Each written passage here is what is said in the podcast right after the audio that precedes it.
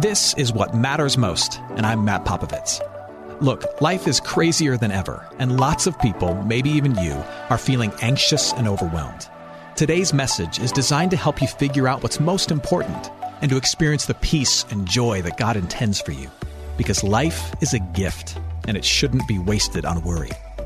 I'd like to give you a resource, something to help you navigate the road ahead. Just go to mattpopovits.com, click on the icon, and we'll send it to you.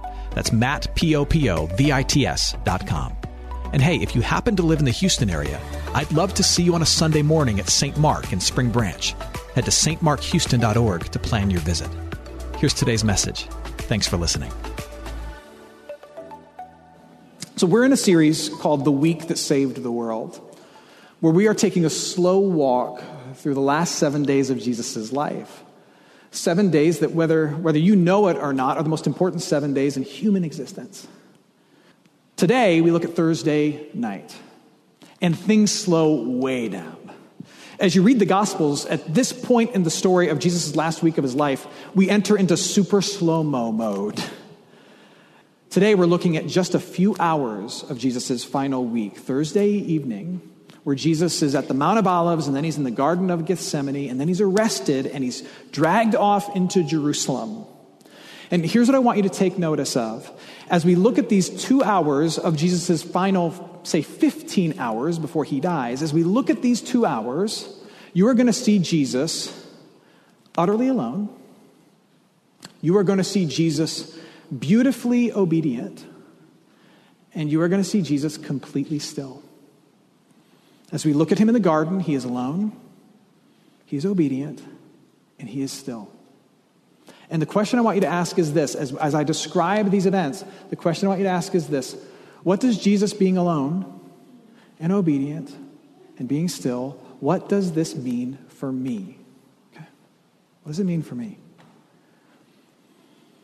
Jesus leaves the Last Supper and it's the 11 disciples because Judas is, Judas is off, off orchestrating the betrayal.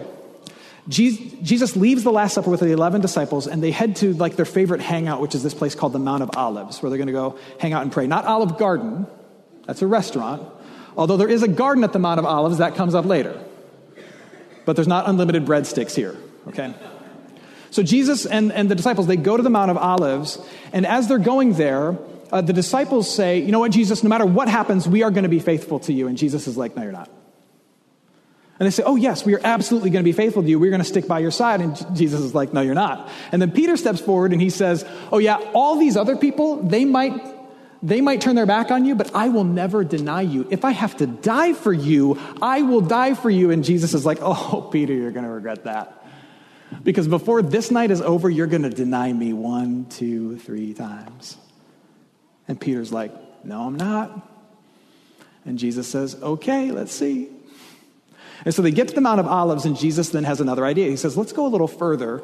Let's go to this garden next to the Mount of Olives, and we're going to pray there. And in this garden next to the Mount of Olives, there is an olive press where the olives from the olive grove are pressed into olive oil. That's where the, the garden gets its name. It's called Gethsemane, which quite literally means olive press. And that garden surrounding the olive press is, is, a metaphor for what Jesus is about to step into. Because Jesus, in his, in his suffering and his death, he's going to be pressed and he's going to be crushed, right? And so Jesus gathers here in this moment to, to prepare for that. He's gathering himself, he's going to pray, and he's going to prepare himself for what's about to come. And he invites his disciples who are going to betray him to be with him. And they say, We're going to stay with you. But what happens? Jesus starts to pray in the Garden of Gethsemane, and they instantly fall asleep. And Jesus is like, Told you. Jesus starts to pray, and they fall asleep. And then a little while later, Jesus' accusers come and they come to arrest Jesus. And, and the disciples are awake now. But once, once it really starts to get tough, once the fire really starts to rise, what happens? Mark says it, they all ran away. And so Jesus is in that moment, though he's surrounded by friends who claim to have his back, Jesus is ultimately in that moment in the garden preparing for the cross. He's in that moment a what? Alone. He's by himself. And he's by himself not just because he's the only one brave enough to face what's coming, although that's true. He's by himself ultimately because he's the only one who can do it.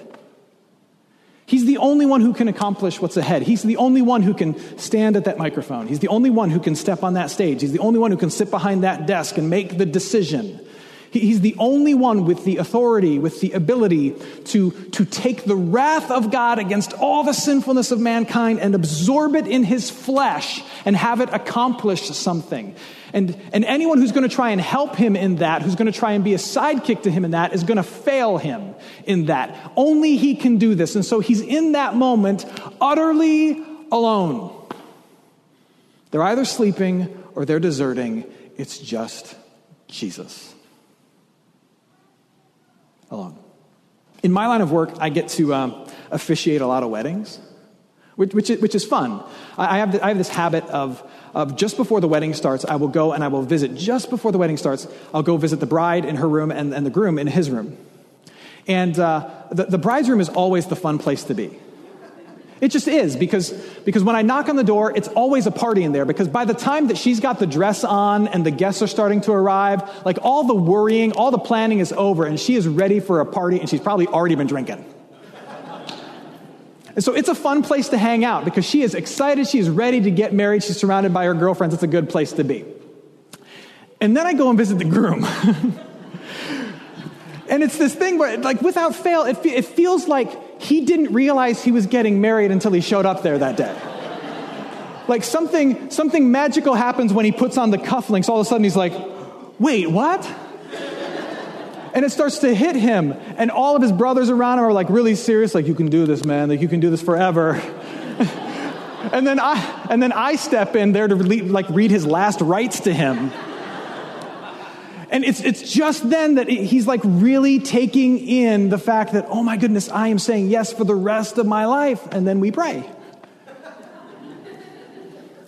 So, so Jesus in the Garden of Gethsemane, it's kind of like that moment. Jesus is beginning to realize the weight of what is coming for him. Now, of course, Jesus in his, in his divinity, he knew like logically everything that was going to happen, right? But, but when he's in the garden praying, being deserted by his friends, and, and he can kind of hear the, the, the, band of accusers coming to get him, it, it's then that he starts to taste it and he starts to feel it. And in tasting and feeling this, this wrath of God coming for him, he's going to absorb all of God's righteous anger and God's righteous judgment. He starts to get a whiff of it, and like he, he gets cold feet. Jesus gets cold feet.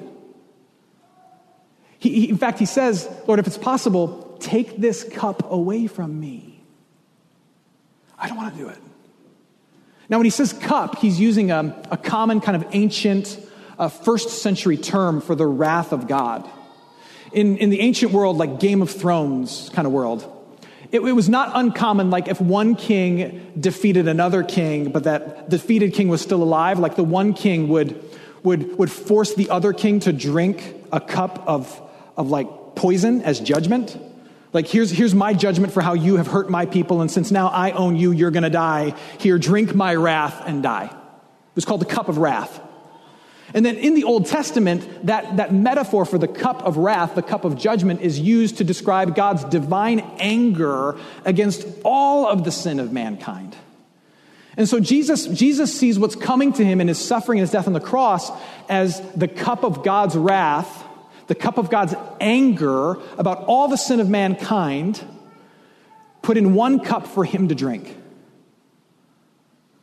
All of God's anger for everything that's gone wrong, like, like every, every act of infidelity, every murderous thought, every murderous act, every, every injustice, all of the racism in this world, all of the all of the refusal of mercy that happens day after day, all of the, the mass shootings, everything horrible in the headlines, everything dark in your heart, everything bad in your history, every evil that's ever gone wrong, all deserves to be judged by God. God is righteously angry about it, and He, he deserves to, to pour out all that righteous judgment upon all of us. But instead, He took all of that righteous anger and He concentrated it in one cup that He's going to hand to Jesus and say, on behalf of all man mankind drink all the wrath, drink all the judgment, drink all the condemnation, drink it. And Jesus starts to get a sense of all of that wrath and all of that condemnation and all of that judgment that we deserve. And Mark says that Jesus is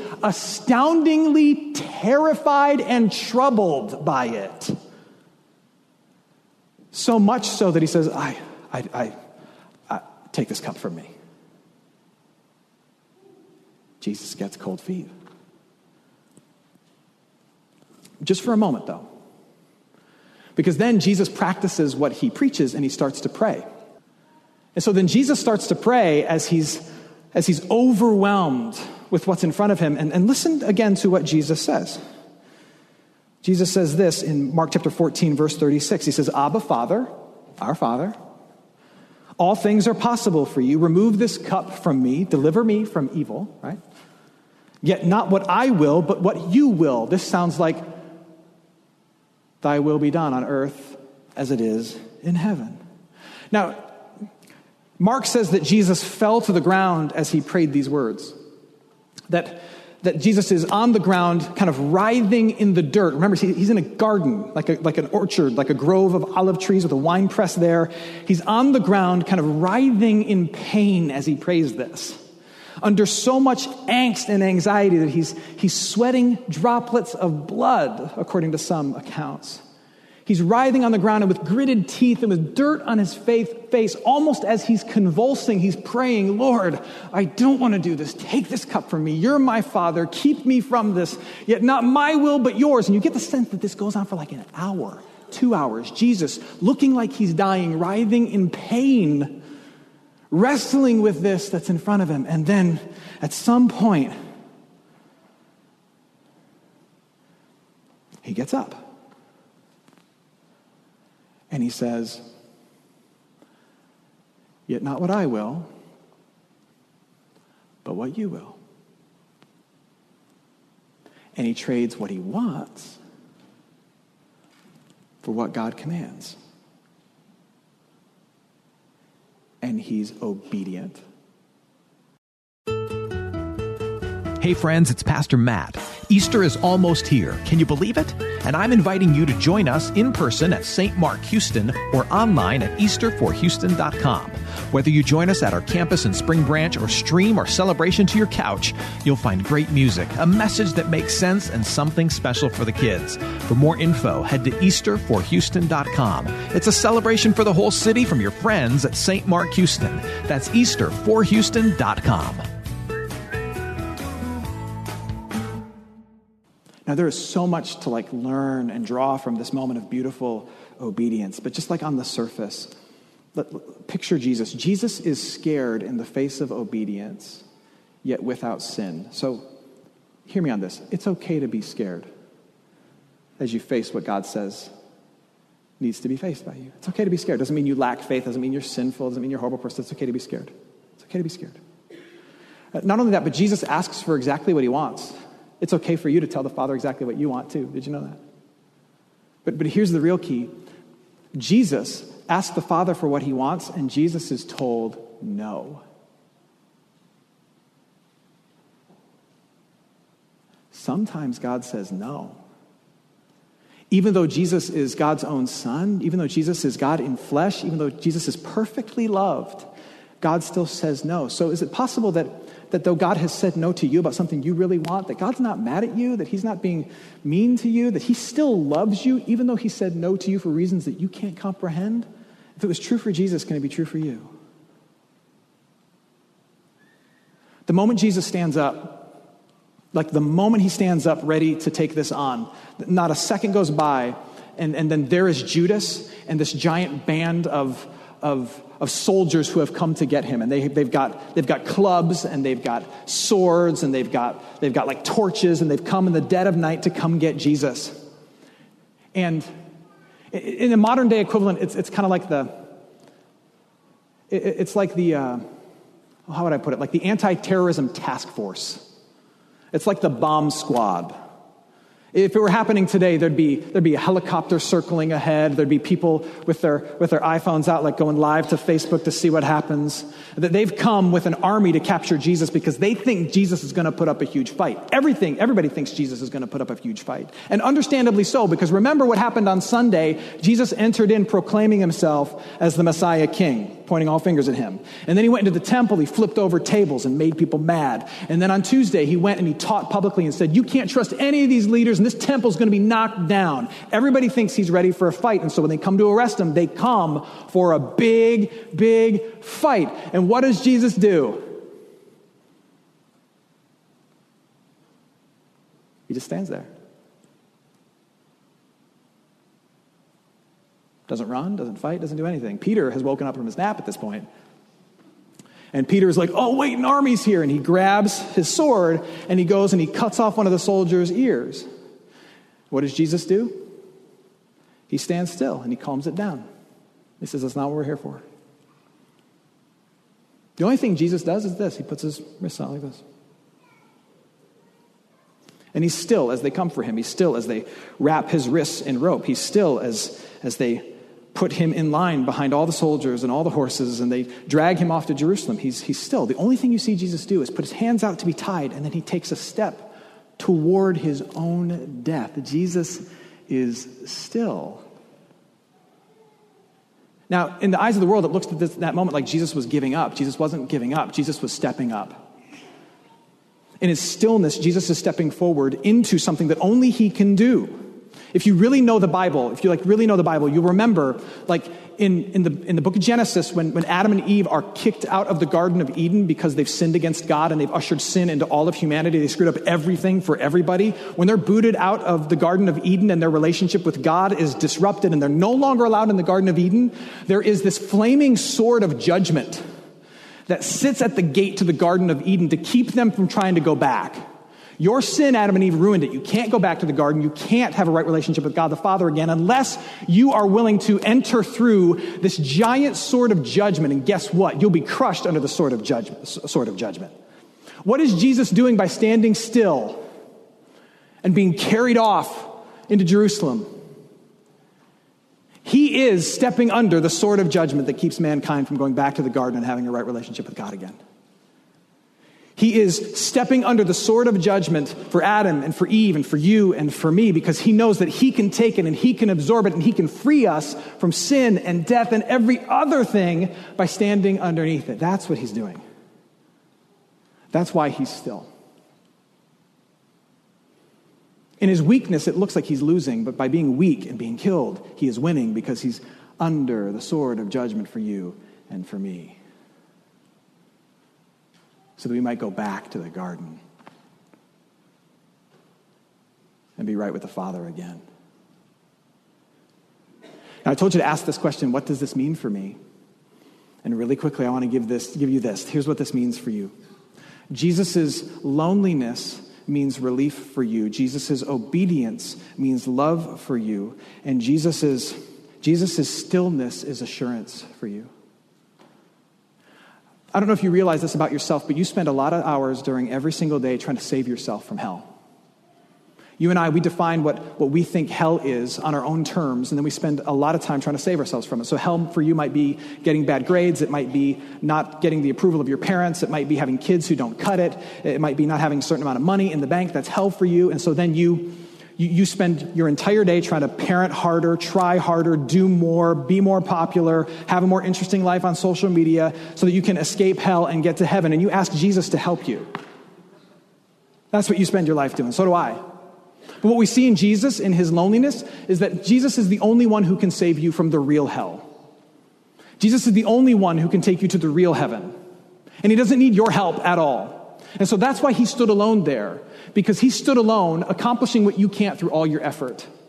He stood alone there and he won for you salvation from the real hell and he's earned for you the real heaven, which is a right relationship with the Father and given you what you really need, which is not to be more interesting on social media and not to have great kids. All our kids are messed up because they got messed up parents. What you really need is the grace and the mercy and the goodness of God and to know that you are forever in his family. And he won that for you. He got it for you. And he didn't need your help. He doesn't need a sidekick. He did it all alone. And his loneliness means relief for you. You're not headed to hell. You already have the gifts of heaven.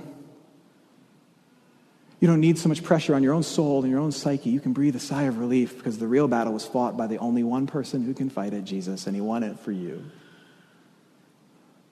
Likewise, his obedience, his willingness to drink the cup of wrath is love. Now, you might not see the connection between God's wrath and God's love, but let me show it to you. You might say, I, I, want a loving God, not a God who judges sin. Well, I'll tell you this you can't have the love of God unless you have the anger of God. Because people who love get angry. If I see people I care about harming themselves or harming others, I get angry. And so when God sees us harming ourselves and harming others, because He loves us, He is full of anger, just and righteous, divine anger at all the things that we do to harm ourselves and harm each other and harm our relationship with Him. He has to be angry. Someone has to be punished because he has so much love. If you are indifferent in the face of self destruction, abuse, or evil, you don't love. If you don't have anger in the face of those things, don't tell me you love. You don't. And so God has righteous anger because he has deep love. He loves you enough to get angry. And then Jesus loves you enough to say, take all that anger Take all that anger that goes to them and put it all on me. So if you are looking for someone who, who will love you enough to get to care about everything that happens with you, someone who will get angry for you, someone who will climb every mountain, traverse any ocean, who will never give up on you, who will fight for you, you have found it in the person and work of Jesus and in the Father that he serves. His obedience, his willingness to drink that cup of wrath just speaks unbelievable love. God cares about you that much, and Jesus cares about you that much enough to get angry and enough to absorb it. And then his stillness is assurance to you. Very often in your life, it can seem as though God is not active, God is not working, God does not care. You see horrible things happen in the headlines. You see mass shootings in New Zealand. You see rich kids bribing universities to get into schools that your kid get, get into. You see the horrible things that happen in your family, the horrible things that happen in your heart, and you want God to do something, and it looks like God is still, and He's not active, and He's not working. But what Jesus shows us in the garden is that sometimes God stands still, and He's still doing His great work. And that even though God looks weak and inactive, God is still working. And that this side of eternity, that is often how God reveals himself. It looks like it's the absolute end. It looks like there's no hope, but God is working through that hopelessness, through that dead end, to bring about his good and perfect will. That's why this side of eternity, you only see the grace of God when you see the depravity in yourself. Because it's in the weakness of man, in the in the humility of man that we see the depth of our need for God. And very often, when it seems like God is silent, that's when God is doing his greatest work. So you can be assured that even though it seems hopeless, even though it seems like God is standing still, sometimes God does his greatest work when it looks like he's not working. And Jesus Christ is the greatest evidence of that. So be assured that in his stillness, he is still working for you, and you belong to Him, and He will bring all things to a beautiful conclusion that brings Him glory, you blessing. He will. At this moment in the story, everything slows down and it becomes ultra high definition 4K television. And at this moment, in this, this little two hour window, we see Jesus utterly alone. We see him beautifully obedient, and we see him perfectly still. But if you look closer, you'll see something for you. You'll see relief.